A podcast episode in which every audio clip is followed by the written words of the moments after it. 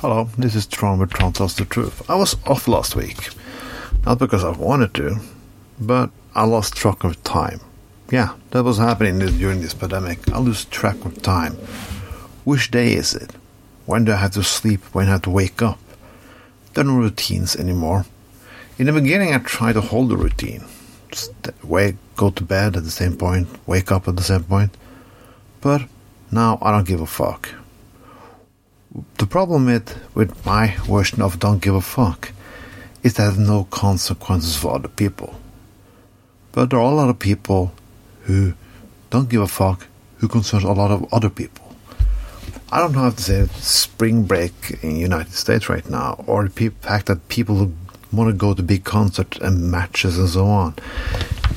Well, we have to hold horses. Australia and New Zealand are opening again because they did the right thing in the first place. Sometimes you have to sacrifice a lot. It's incredible and you have it in the society when you cannot ask people to sacrifice anything at all. But also the thing double standards. When it comes to the military, you have to sacrifice yourself. Everybody says when you fight for your country, you have to sacrifice. You have to sacrifice for this, you sacrifice for that. But you cannot sacrifice a little freedom for a little bit of time for other people so they can survive. Death numbers are going to come up. Yes, they are.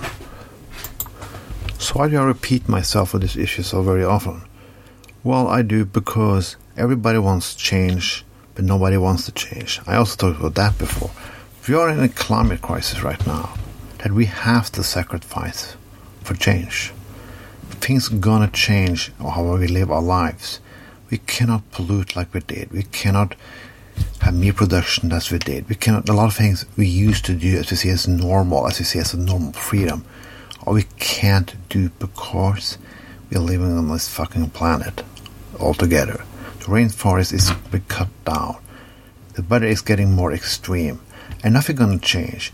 Well, there's a lot of uh, technology who can help us adapt and do things differently and better. But that's never gonna work without some sacrifice. Yes, your life is not gonna be what it is. And every envi- environmentalist who says something different is lying because things are gonna change. But the people who said you just keep our freedom as is, their lives also to change. And if they keep on doing what they do, things to change. It's not about are we going to change or do things we did as we do.